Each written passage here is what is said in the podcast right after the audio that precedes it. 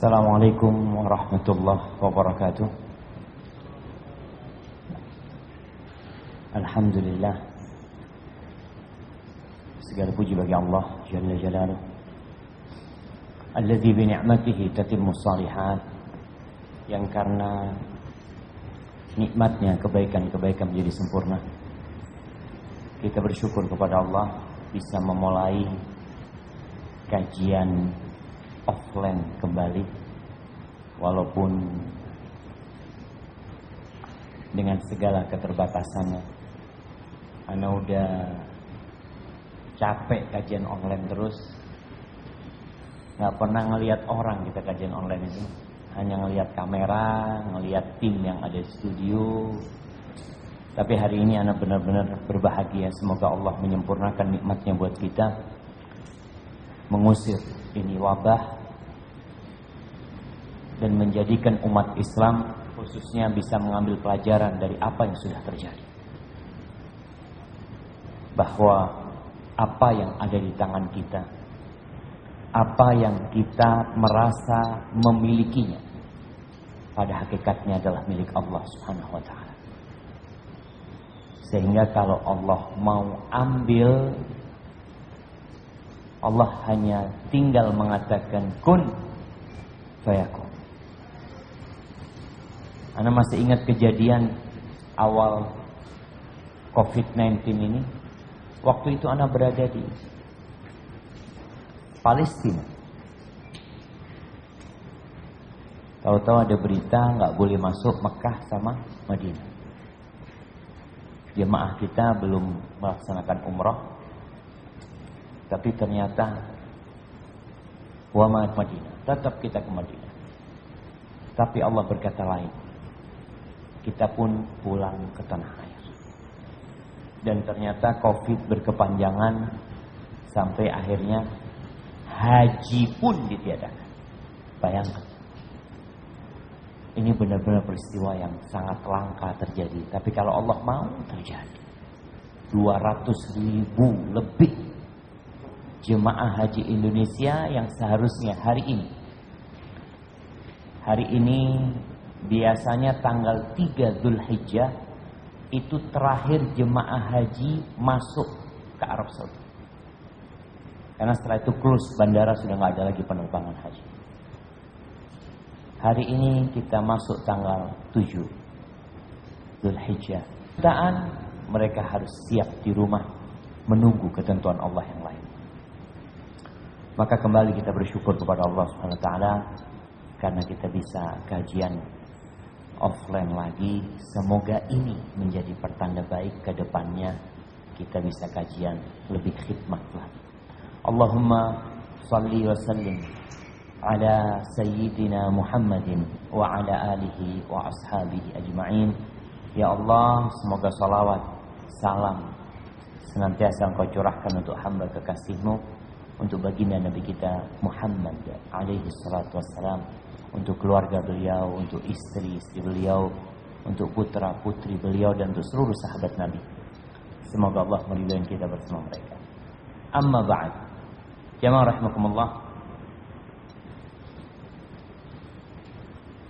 Sekedar mengingatkan. Besok tanggal 7 Zulhijjah. Rabu tanggal 8 Kamis tanggal 9, Jumat insya Allah, Idul Adha tanggal 10 Zulhijjah.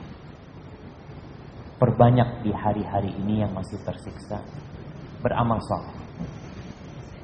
Apa saja yang saja. Karena semangat umat Islam untuk beramal soleh di 10 awal Zulhijjah ini tidak seperti semangat mereka di bulan Ramadan. Di bulan Ramadan kita menyaksikan semangat itu.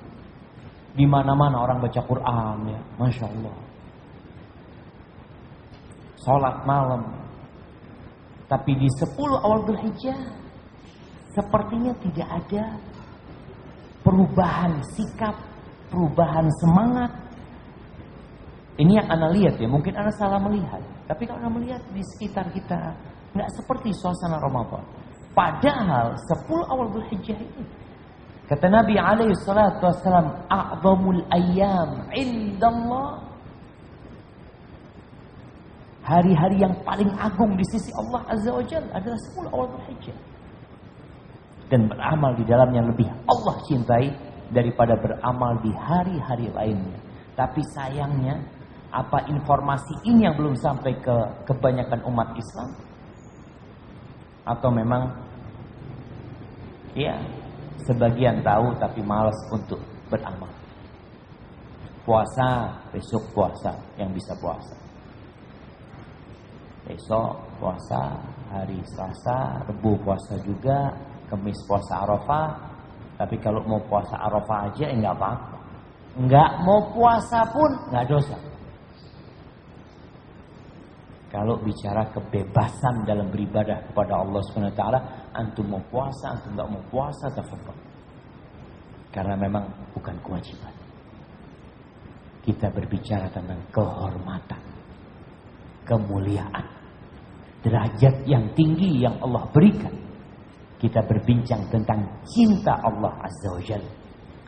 Yang kata Allah dalam sebuah hadis qudsi, Jalla Jalaluh, wa ma taqarraba ilayya 'abdi bi syai'in ahabba ilayya mimma. Tidak ada amalan yang aku cintai hambaku mendekatkan dirinya kepadaku lebih daripada yang aku telah wajibkan kepada dia. Wa ma yazalu yataqarrabu 'abdi ilayya bin nawafil hatta uhibba. Tapi ada di kalangan umat Islam ini yang terus mendekatkan dirinya kepadaku dengan amalan-amalan yang dianjurkan, tidak diwajibkan. Enggak, enggak wajib. Kalau kita mau bicara kurban nanti, wajib apa sunnah Ustaz? Jumhur mengatakan sunnah, muakkadah enggak wajib. Antum enggak mau kurban enggak apa-apa. Tapi kita bicara cinta. Begitu pula puasa Arafah. Enggak ada yang mengatakan wajib.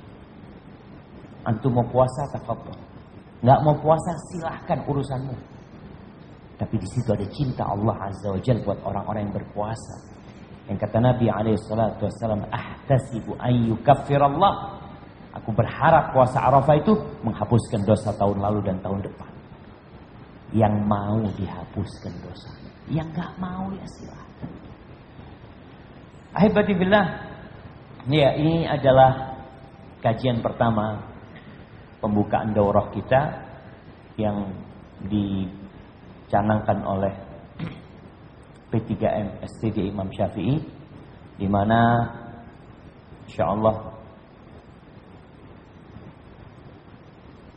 12 hari ke depan atau 14 hari kita kajian ini. Iya, 12 hari ke depan kita akan mengkaji tentang 10 sahabat yang dijamin masuk surga. Mulai dari Abu Bakar Siddiq, kemudian besok juga tentang Abu Bakar As-Siddiq, karena panjang cerita Abu Bakar. Kemudian mungkin setelah itu berbicara tentang Umar bin Khattab radhiyallahu anhu. Kita 14 hari atau 12 hari ya? 14 hari ya? Iya, kayaknya tentang khalifah yang empat itu dua kali dua kali insya Allah. Baik. Kenapa kita perlu berbincang tentang 10 sahabat yang dijamin masuk surga? Kok itu yang diangkat temanya? Kita ini di masa orang-orang itu suka mengikuti orang yang sukses. Baik sukses dalam urusan ekonomi atau sukses dalam urusan pendidikan, sukses dalam olahraga, sukses dalam keartisannya apa? Oleh karena itu kita melihat popularitas itu menjadi ajang mencari fulus akhirnya. Dan manusia suka mengikuti orang-orang yang terkenal. Sedangkan ada 10 sahabat yang sangat terkenal sekali. 10 sahabat ini bukan hanya terkenal di bumi, tapi mereka juga terkenal di langit. Itu 10 sahabat yang dijamin masuk surga ini. Kebanyakan umat Islam nggak ngerti. Maka yang Ana minta kepada tim dari orang Faradisa nanti untuk membuat apa istilahnya uh, eksperimen menanyakan kepada masyarakat tahu nggak mereka dengan 10 sahabat yang diamin masuk Tanyakan kepada. Ini kadangkala tuh anak-anak SMA, anak-anak kuliah ditanya nggak tahu. Coba tanyakan artis Indonesia yang paling banyak uh, followernya main di IG, dia tahu dia akan sebutkan.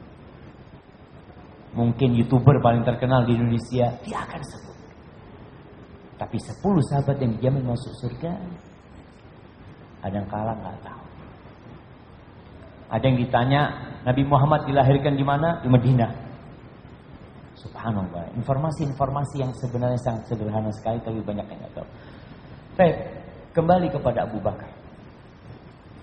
Abu Bakar adalah khalifah yang pertama. Yang insya Allah besok Ustadz Ahmad akan berbicara tentang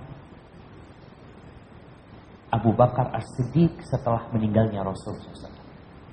Hari ini kita akan menyampaikan atau tepatnya anak akan membacakan beberapa keutamaan Abu Bakar As-Siddiq dan cuplikan-cuplikan dari peran dia di dalam agama Allah ini sampai meninggalnya Rasul SAW. Adapun namanya, siapa namanya Abu Bakar? Ya, jelas Abu itu bukan nama. Abu itu kunyah.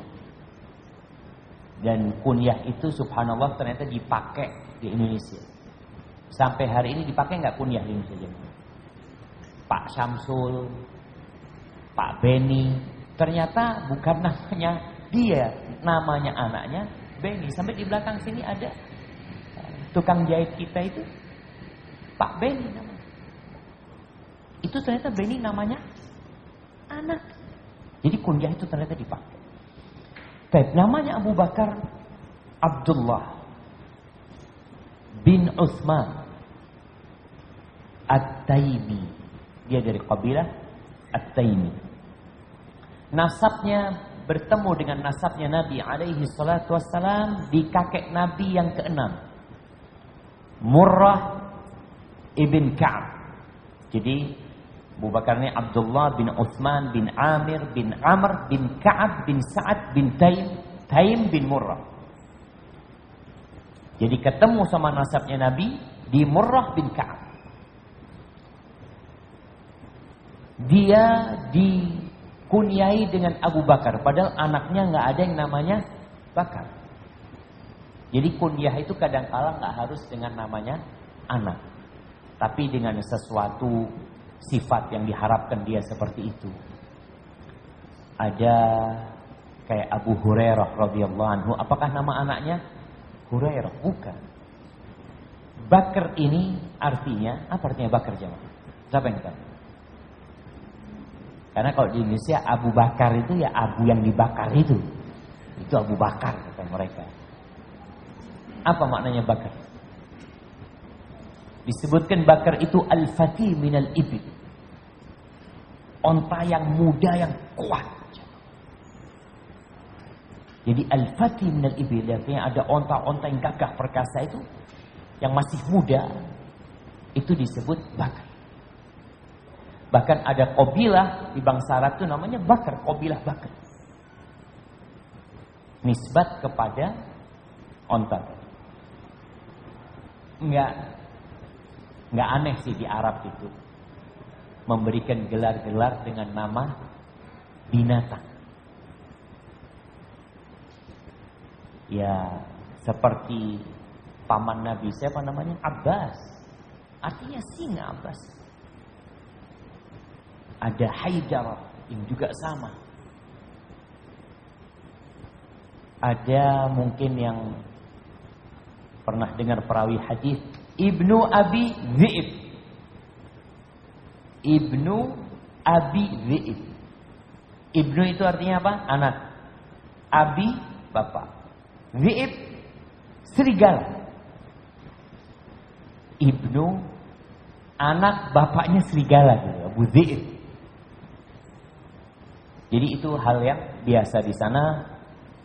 Fahad artinya juga singa, asad orang menamakan seperti itu. Baik. Adapun gelar kalau itu kunyahnya Abu Bakar Siddiq radhiyallahu anhu, maka Abu Bakar seorang sahabat yang memiliki banyak gelar, tapi yang paling dikenal adalah As-Siddiq. Itu yang insya Allah kita semua tahu. Ada gelar lain Al-Atiq ya. Adapun As-Siddiq. Siapa yang memberikan gelar As-Siddiq? Rasulullah SAW. Bukan orang. Berdasarkan hadis yang diriwayatkan oleh Al-Imam Bukhari. Ketika Rasulullah SAW naik ke Gunung Uhud. Kenapa Anda sampaikan yang memberikan gelar As-Siddiq adalah Nabi Muhammad SAW sendiri? Karena kita tahu orang-orang Syiah sangat membenci Abu Bakar. Bahkan mereka mengklaim Abu Bakar murtad setelah meninggalnya Nabi alaihi salatu wassalam. Nih gelar yang yang diberikan As-Siddiq ini adalah Nabi alaihi salatu wassalam yang memberikan. Ketika Nabi naik ke Gunung Uhud. Beliau naik ke gunung itu bersama Abu Bakar, bersama Umar, bersama Utsman. Mereka berempat. Faraja Fabi. Gunung itu bergetar. Dinaikin empat orang ini terjadi gempa, gerak gunung tersebut. Fakal usbut Uhud. Lalu Nabi berkata kepada gunung itu, diam wahai Uhud. Fa innama 'alaika nabiyyun wa siddiqun wa syahidan. Yang di atasmu ini tiada lain kecuali seorang nabi. Bersama Siddiq bersama dua syahid. Siapa yang mati syahid? Umar sama Utsman. Dua-duanya mati terbunuh. Abu Bakar tidak. Nabi memberikan gelar Siddiq. Apa yang membuat Abu Bakar mendapatkan gelar As-Siddiq? Karena Abu Bakar tidak pernah jemaah ragu-ragu sedikit pun dengan dakwah Nabi Muhammad SAW. Beliau selalu percaya dengan apa yang disampaikan Rasul wasallam. Sampai-sampai di satu peristiwa Nabi alaihi salatu wasallam bercerita kepada para sahabatnya dan di majlis itu tidak ada Abu Bakar. Nggak ada Umar juga. Nabi cerita tentang nanti akan ada bukan nanti akan ada. Ada kejadian. Di mana seorang pengembala kambing mengembala kambing tahu-tahu ada serigala yang menerkam salah satu dari kambing. Maka dibantu ini kambing sehingga terlepas dari serigala. Lalu serigala itu berbicara kepada pengembala ini gimana engkau nanti ketika ada suatu hari yang mengembala kambing itu aku hanya aku sama kambing itu Para sahabat heran. Mereka mengatakan, "Zibun yatakallam." Ya Rasulullah, serigala bisa bicara. Kata Nabi alaihissalam, "Aku percaya, Abu Bakar percaya, dan Umar percaya." Padahal di sana nggak ada Abu Bakar dan nggak ada Umar. Ini menunjukkan tentang bagaimana sikap Abu Bakar mempercayai semua yang disampaikan Nabi alaihissalam karena Nabi wa ma yantiqu anil hawa. Kemudian yang menjadi peristiwa terbesar mungkin yang disaksikan oleh penduduk Mekah peristiwa Isra Mi'raj. Bagaimana Abu Jahal ketika mendapatkan informasi bahwa Nabi alaihi salatu wasallam melakukan perjalanan dari Mekah ke Masjidil Aqsa lalu beliau sudah balik lagi ke kota Mekah di pagi harinya Abu Jahal berusaha memprovokasi umat. Bahkan ada sebagian umat Islam yang murtad pada waktu itu. Lalu setelah itu Abu Jahal berangkat menuju ke tempatnya Abu Bakar As-Siddiq radhiyallahu anhu. Lalu dikasih tahu sama mereka. Engkau tahu sohibmu, kawanmu ini mengaku dia telah melakukan perjalanan ke Masjid Aqsa, lalu paginya udah sampai sini. Apa kata Abu Bakar? Kalau dia mengatakan itu, la in qala dzalika faqad sadaq. Kalau dia mengatakan itu berarti benar. Apa kata mereka? Abu Bakar, kau percaya kata dia. Ini perjalanan ke Aqsa ini butuh satu bulan. Dia semalam udah nyampe. Paginya udah di sini. Kata Abu Bakar Siddiq, "Inilah usaddiquhu fima huwa ab'ad min dhalik." Aku benar-benar mempercayai dia dengan sesuatu yang lebih jauh dari sekedar ke Masjidil Aqsa, lebih jauh dari itu. Usaddiquhu bi khabiris sama fi ghadwatin aw. Aku percaya dengan berita yang datang dari langit yang datangnya pagi dan petang. Kok cuma ke Aqsa? Ke langit sana. Anda percaya? Oleh karena itu Abu Bakar disebut as dan telah terjadi ijma. Makanya kalau ada orang-orang Syiah yang berusaha untuk membuat tuduhan-tuduhan palsu tentang Abu Bakar Siddiq, umat sudah ijma bahwa dia adalah as-siddiq taala anhu. Di mana dilahirkan Abu Bakar Siddiq? Siapa namanya Abu Bakar? Abdullah bin Uthman. Abdullah bin Uthman At-Taimi. Abu Bakar ini dilahirkan tentunya di kota Mekah. Kapan dilahirkannya? Kira-kira dua tahun lebih setelah peristiwa perang gajah. Kalau Nabi alaihi salatu dilahirkan pada waktu pasukan gajah datang, Abu Bakar dilahirkan mungkin dua tahun setengah, ada yang mengatakan dua tahun setengah, ada yang dua tahun berapa bulan. Yang jelas Abu Bakar lebih muda dari Nabi Muhammad Sallallahu Alaihi Wasallam dua tahun setengah. Seperti itu. Kemudian kalau bicara perawakan Abu Bakar Siddiq. Disebutkan Abu Bakar itu putih, kurus. Khafiful aridain. Brewoknya itu tipis. Kan ada orang yang lebat, ini tipis. Tipis bukan karena dipotong jemaah. Ya memang ada orang yang tipis. Kemudian beliau mancung karena kurusnya Abu Bakar ini Sampai kalau pakai sarung itu sering melorot. Radhiyallahu taala anhu beliau me, merubah putih ubannya itu dengan hina dan katam. Hina kita tahu, henna pacar yang warnanya agak kemerahan, katam itu sejenis daun. Jadi kalau antum berangkat ke Mekah nanti semoga semuanya berangkat haji, antum cari ada namanya katam. Daun yang sudah ditumbuk kering itu kalau dibuat untuk menyemir rambut biasanya warnanya coklat kehitam-hitaman. Jadi seperti itu Abu Bakar menyemir rambutnya. Ini ketika beliau tua radhiyallahu taala. Adapun keluarga Abu Bakar sedih, masya Allah. Jadi tidak diketahui yang bapak, ibu, anak, cucunya itu sahabat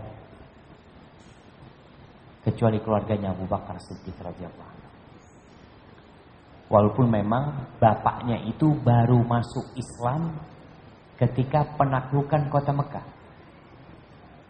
Utsman Abu Kuhafa itu baru masuk Islam ketika penaklukan kota Mekah. Dibawa sama Abu Bakar Siddiq banyak.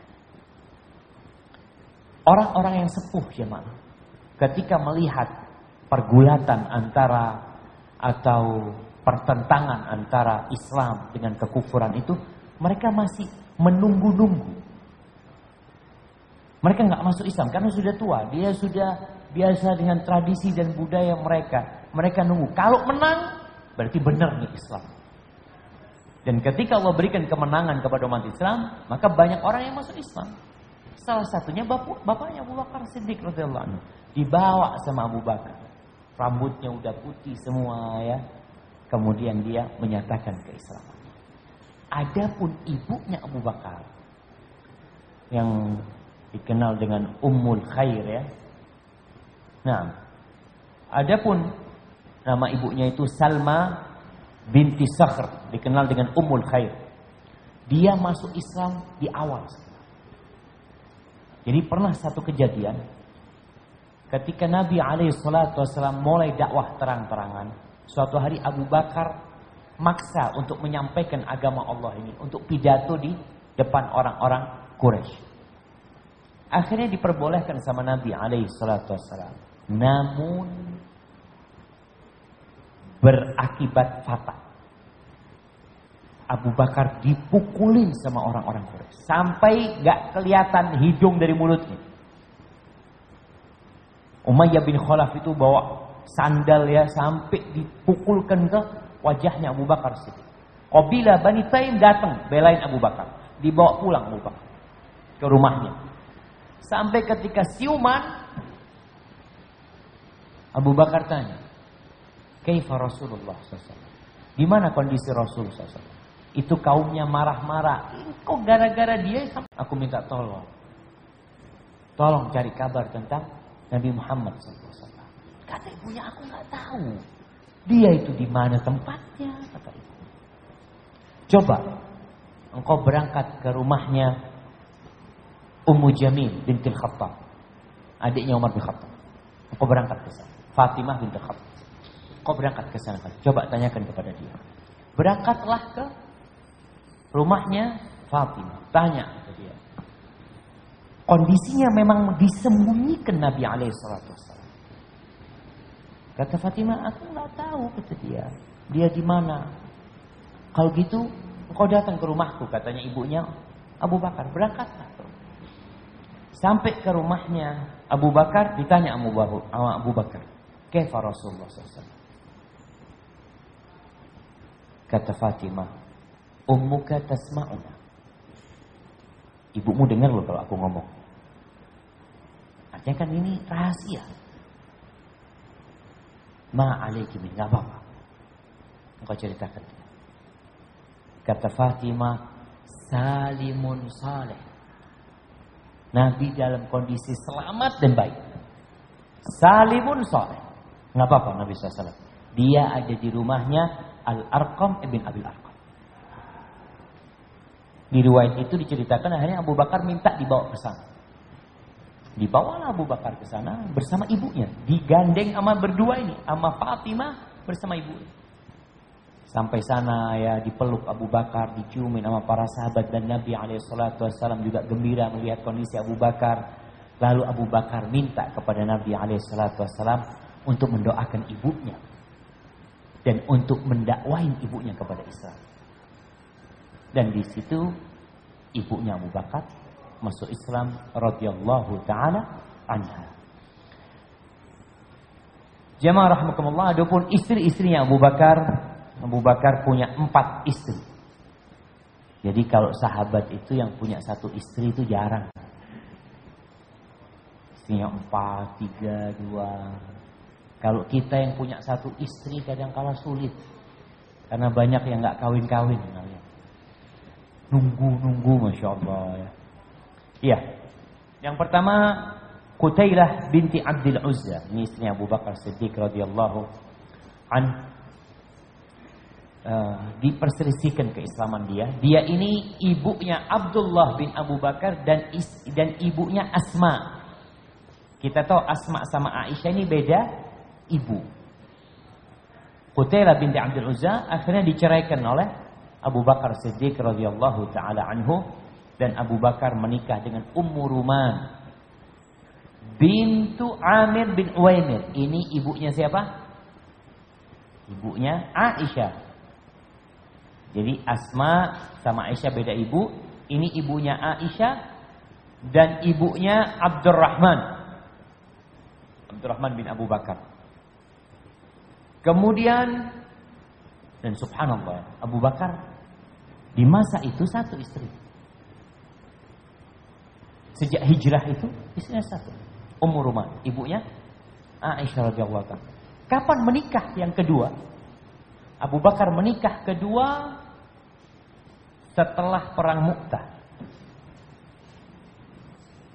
Perang Mu'tah. Iya. Ketika Nabi SAW mengutus tiga sahabat menjadi komandan yang meninggal semuanya. Siapa? Ja'far bin Abi Thalib. Kemudian Zaid bin Haritha. Lalu Abdullah bin Rawahah. Mereka meninggal. Abu Bakar menikahi istrinya Ja'far. Jadi ketika Ja'far meninggal dunia, Abu Bakar menikahi Asma binti Umais bin Abdul bin Ma'bad bin Al-Harith. Dia ini istrinya Ja'far yang berangkat hijrah bersama Ja'far ke mana? Ke Habasyah ya. Kemudian balik ke kota Medina atau hijrah ke kota Medina ketika meninggal dunia Asma ini, uh, suaminya meninggal dunia, akhirnya dinikahi oleh Abu Bakar Siddiq radhiyallahu taala. Dan nantinya setelah meninggalnya Abu Bakar Siddiq, Asma ini dinikahi oleh Ali bin Abi Thalib radhiyallahu taala anhu. Jadi menikah lagi udah dan insya Allah setelah meninggalnya umur rumah menikah sama Asma. Lalu menikah lagi bersama Habibah binti Kharijah Al-Ansariyah. Jadi yang tiga dari Quraisy, yang keempat itu dari Ansar, dari kalangan Ansar. Adapun anak-anaknya Abu Bakar, anaknya Abu Bakar itu Abdurrahman, Abdullah, Muhammad bin Abu Bakar, ini yang dari Asma bin Ti Umais, uh, yang perempuan, jadi tiga perempuan, tiga laki. Masya Allah jemaah anaknya Abu Bakar tiga perempuan, tiga laki. Yang perempuan siapa? Asma, Aisyah, siapa lagi? Ada satu lagi namanya Ummu Kalsum. Tapi Ummu Kalsum ini lahir setelah meninggalnya Abu Bakar Siddiq Jadi ketika Abu Bakar mau meninggal dunia, bukan ngomong sama Aisyah tentang pembagian warisan itu. Aisyah mengatakan Abu Bakar mengatakan innama huwa akhawaki wa ukhtaki. Ingat di situ ada dua saudaramu dan dua saudarimu. Nah.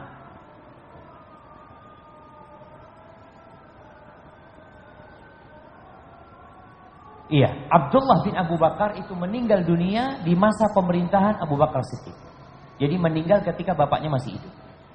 Jadi yang tersisa adalah Abdurrahman bin Abu Bakar dan Muhammad bin Abu Bakar. Maka Abu Bakar mengatakan kepada putrinya Aisyah, Aisyah warisan itu dua saudarimu, dua saudaramu. Ah, maka Aisyah tanya, ya abata, kalau dua saudaraku aku tahu. Terus saudariku yang satunya mana kata dia? Dia tahu Asma bersama dia. Maka Abu Bakar mengatakan qala dzu batn bintun kharijah atau bintu kharijah qad ulqiya fi khaladi annaha jariyah itu yang ada di perutnya Kharijah itu kok dalam pikiranku itu perempuan itu maka ingat berikan warisan kepada dia juga ini berkaitan dengan uh, anak-anaknya Abu Bakar Siddiq radhiyallahu taala Bagaimana masuk Islamnya Abu Bakar Siddiq? Ternyata Abu Bakar ini sosok yang memang sudah mencari agama. Sebelum diutusnya Nabi alaihissalam. Abu Bakar itu sering berkumpul sama Al-Hunafa. Jadi ada orang-orang di kota Mekah itu yang mereka sebelum diutusnya Nabi alaihissalam tidak mau melakukan kesyirikan. Seperti Waraqah bin Naufal, Qus ibn Sa'idah. Itu mereka orang-orang kalau melihat Zaid ibn Amr bin Nufail, melihat orang-orang sedang menyembah berhala, dia bingung. Sampai kalau melihat ada orang Arab yang mau membunuh anak perempuannya hidup-hidup, diambil sama mereka. Udahlah, nggak usah kau bunuh. Kau berikan kepadaku, biar aku rawat anakku. Nanti kalau udah besar, engkau mau ambil lagi, tafadol engkau ambil. Makanya Abu Bakar itu tidak pernah minum homer di masa. Abu Bakar tidak pernah mengusap-ngusap berhala di masa jahiliyah. Karena dia memang Allah berikan fitrah yang bersih sehingga tatkala Nabi alaihi salatu wassalam berdakwah kepada Abu Bakar tanpa ragu-ragu Abu Bakar langsung menerima. Kesiapan hati seseorang menerima kebenaran itu memudahkan dia untuk menjemput hidayah.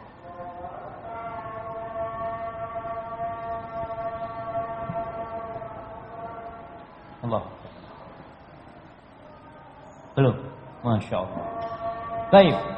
Jadi ketika didakwain Abu Bakar langsung masuk Islam dan setelah itu Abu Bakar memiliki kawan-kawan. Jadi Abu Bakar ini terkenal sebagai orang yang alim dengan nasab.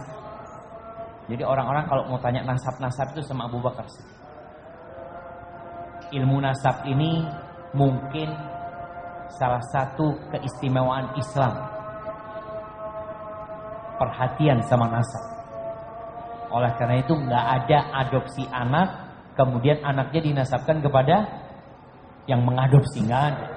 Tetap nasabnya kepada orang tuanya. Kemudian Abu Bakar ini terkenal dengan perniagaannya. Kalau bicara bisnis, maka dia punya banyak relasi yang itu pun menjadi sarana Abu Bakar mendakwai mereka. Siapa Utsman bin Affan? Ya sohibnya Abu Bakar dalam urusan bisnis. Siapa Abdurrahman bin Auf? Ya sohibnya Abu Bakar dalam urusan bisnis. Siapa Sa'ad bin Abi Waqqas? Teman bisnis. Talha bin Ubaidillah, ya kawan-kawan. Dan ini penting jemaah. Antum ini kadang-kala pedagang, tapi sama sekali nggak ada nilai dakwahnya kepada kawan-kawan. Yang ngaji cuma antum yang ngaji. Apa nggak bisa antum tarik sahib-sahib antum ini? Seperti yang dilakukan Abu Bakar Siddiq Bayangkan tuh sahabat-sahabat yang dijamin masuk surga, lima dari mereka itu atas dakwah Abu Bakar Siddiq. Kemudian Abu Bakar ini juga menjadi tempat mengadunya orang-orang. Selain ilmunya, selain dia juga baik hati, dia juga kaya raya. Biasalah kalau orang kaya baik hati itu biasanya banyak yang dekat dan itu menjadi sarana Abu Bakar mendakwai.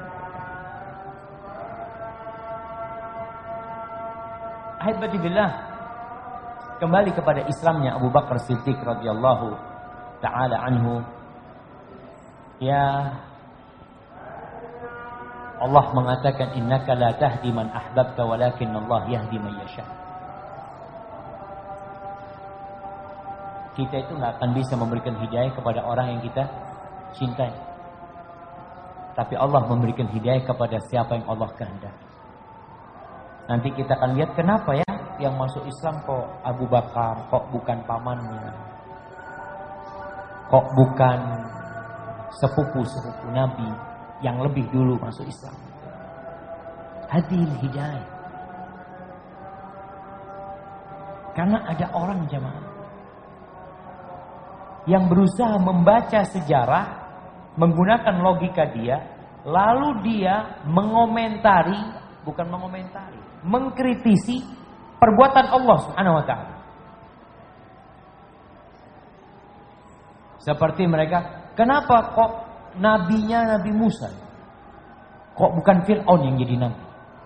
Kalau Fir'aun kan jadi nabi insya Allah semuanya orang Mesir langsung masuk Islam. Karena dia raja, dia punya kekuatan. Ini ada yang bertanya seperti itu. Karena bicara Allah a'lamu haitsu yaj'alu risalata. Sebagaimana orang-orang musyrikin pernah mengkritisi, kenapa yang jadi nabi kok Muhammad sallallahu alaihi wasallam? Kok dia yang jadi nabi? Kok bukan orang lain yang jadi nabi? Ada orang-orang yang lebih hebat dari Nabi Muhammad SAW. Maka tatkala kita membaca sejarah, ya kita ceritakan seperti ini sejarahnya, kejadiannya. Yang masuk Islam lebih dulu bukan paman Nabi Abu Talib, bukan Abu Lahab paman Nabi SAW, bukan Hamzah, bukan Abbas. Mereka masuk Islam. Dua paman Nabi masuk Islam. Tapi tidak di awal dakwah Nabi alaihi salatu Barakallahu fiik. Nah, tafadhal.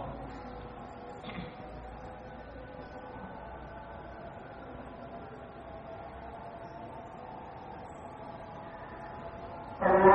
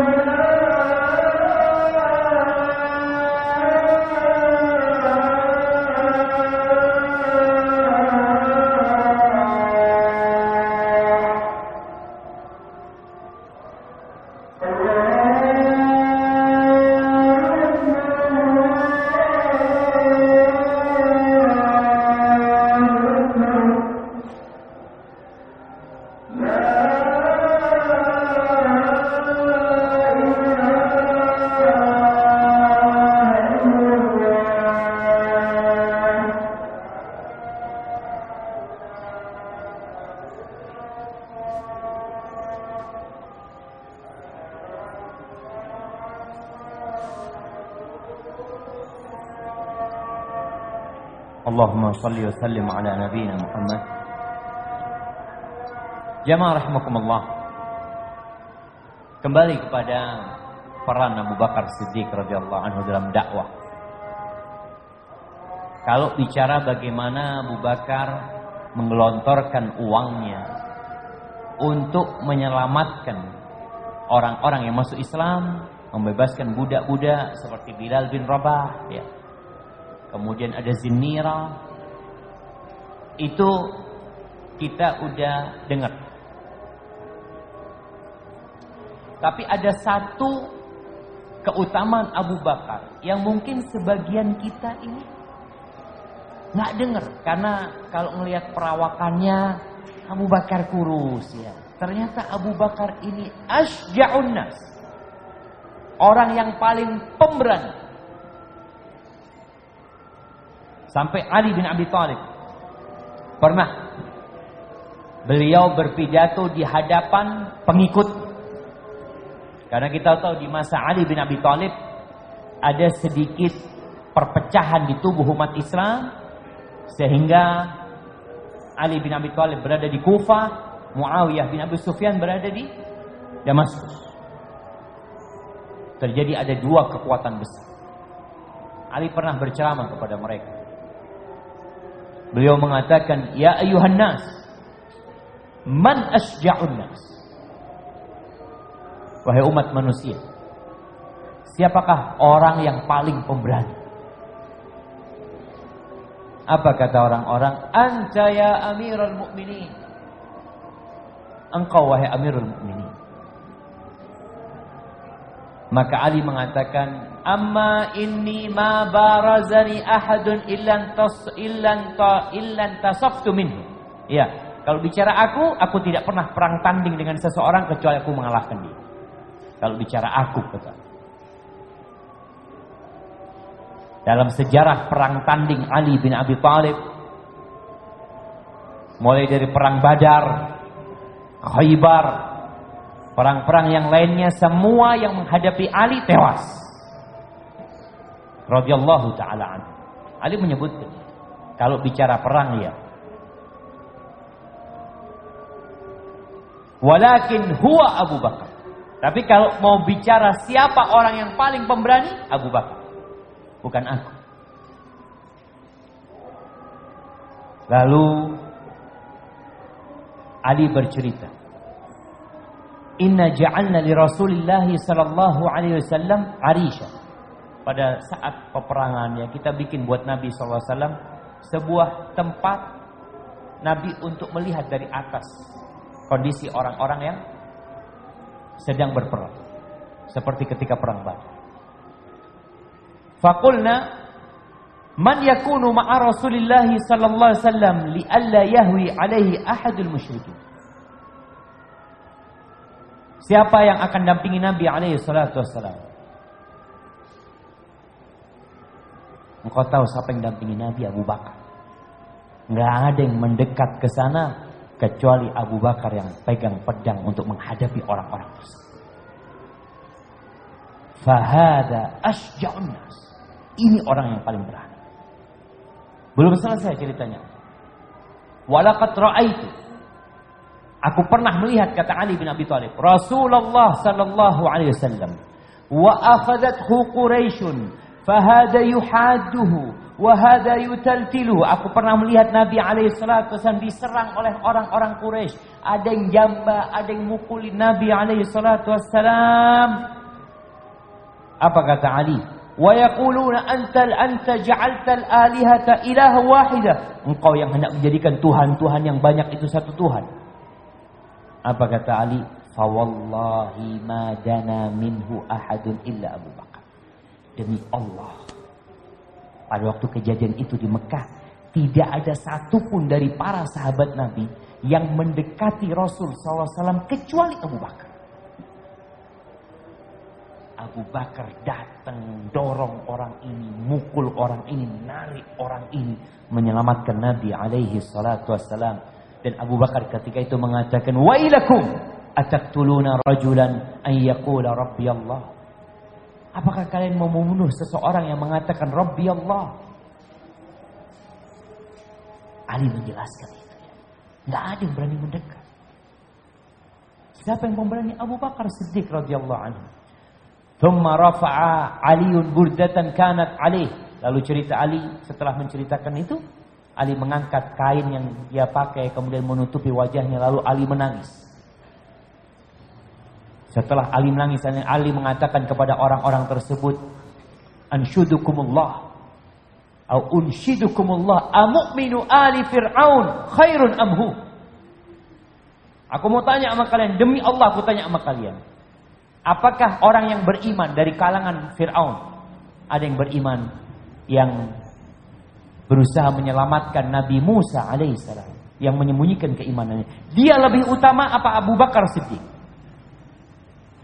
Orang-orang pada dia. Lalu Ali mengatakan, "Fawallahi la sa'atun min Abi Bakar."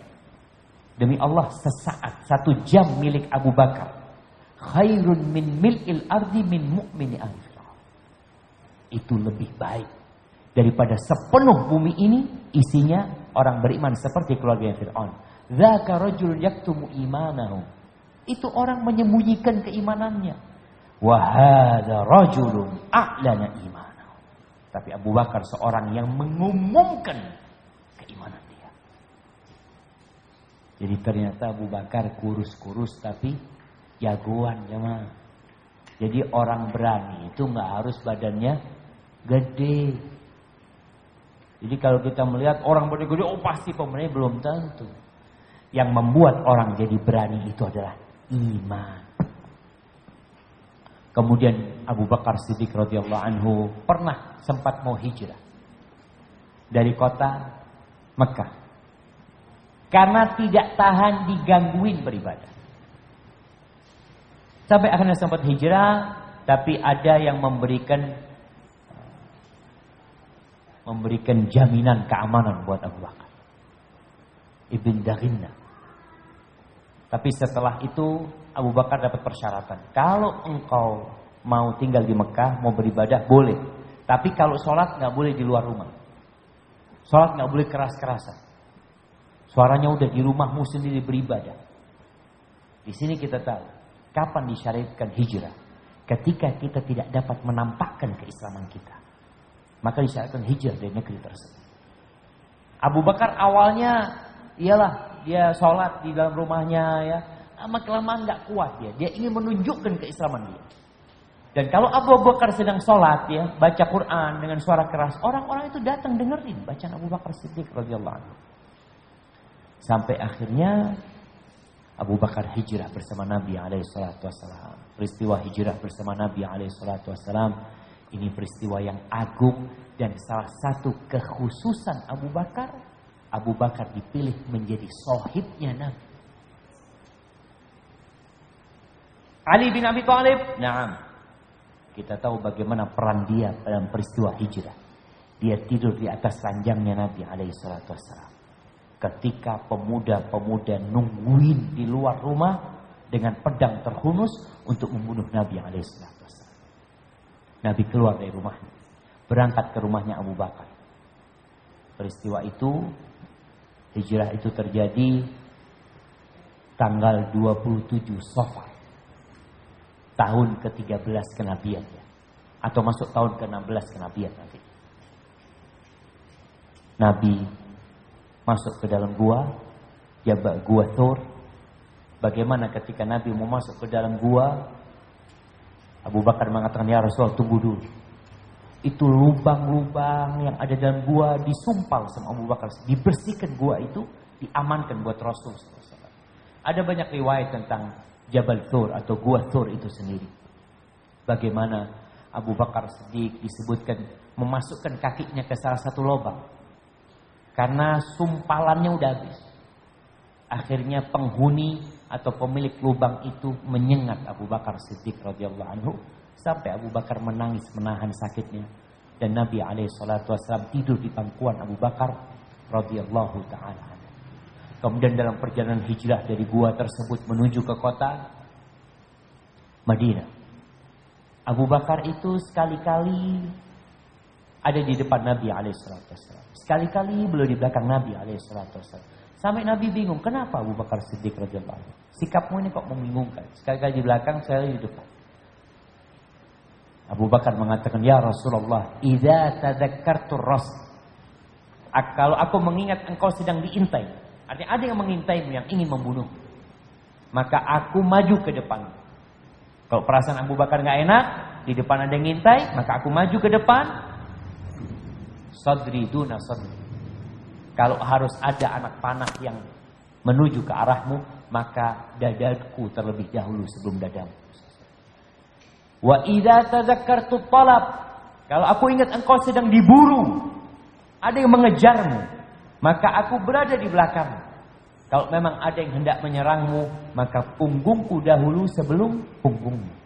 Itu cintanya Abu Bakar kepada Nabi alaihi Sampai perjalanan hijrah itu istirahat di tengah jalan. Perjalanan hijrah ini jamaah tidak di jalannya kafilah. Karena kalau di jalan umum akan ketemu sama orang-orang. Maka Nabi SAW bersama Abu Bakar ngupah orang untuk cari jalan lain, jalannya lebih jauh. Di situ ada batu besar. Dan ketika panas terik itu ada bayangan. Maka mereka akhirnya istirahat di bawah batu. Nabi tidur. Tahu-tahu ada pengembala kambing yang datang bersama kambing. Mereka juga cari naungan di bawah batu tersebut. Abu Bakar tanya, ada susunya? Ada. Boleh aku perah? Boleh. Apa? Dipereslah sama Abu Bakar sedikit. Ketika sudah susunya udah diperas, dibawa nih Nabi sedang tidur. Dan biasanya orang Arab itu kalau mau meres susu, wadahnya ada yang dari batu, disiram air dulu biar dingin. Soalnya susu itu anget ketika keluar dari dari dari apa ya jemaah? Eh, dari tempat susunya itu. Akhirnya dibawa ke Nabi SAW, Nabi terjaga. Diberikan susunya sama Nabi SAW. Abu Bakar nggak minum. Abu Bakar haus. Sama Nabi juga haus sallallahu Apa cerita Abu Bakar radhiyallahu anhu? Fashariban Nabi sallallahu alaihi wasallam hatta raditu. Akhirnya Nabi alaihi minum dari susu tersebut sampai aku yang puas. Abu Bakar haus loh apa yang menyebabkan Abu Bakar merasa kenyang? Tatkala orang yang dia cintai menikmati. Jadi Abu Bakar subhanallah. Kita lihatlah dalam kondisi kehidupan kita jemaah. Seorang ibu kalau punya anak nangis-nangis, sedih dia. Dia gendong anak. Kalau anaknya tidur, siapa yang senang? Ibunya yang senang. Padahal yang tidur anaknya, ibunya belum tidur. Itu adalah cinta. Dan Abu Bakar Siddiq benar-benar menunjukkan kecintaan dia kepada Nabi yang Wasallam sampai akhirnya ke kota Madinah. Perjalanan hijrah itu banyak pelajaran. Ya. Sesampainya di kota Madinah, orang-orang Madinah itu nggak tahu mana Nabi Muhammad SAW.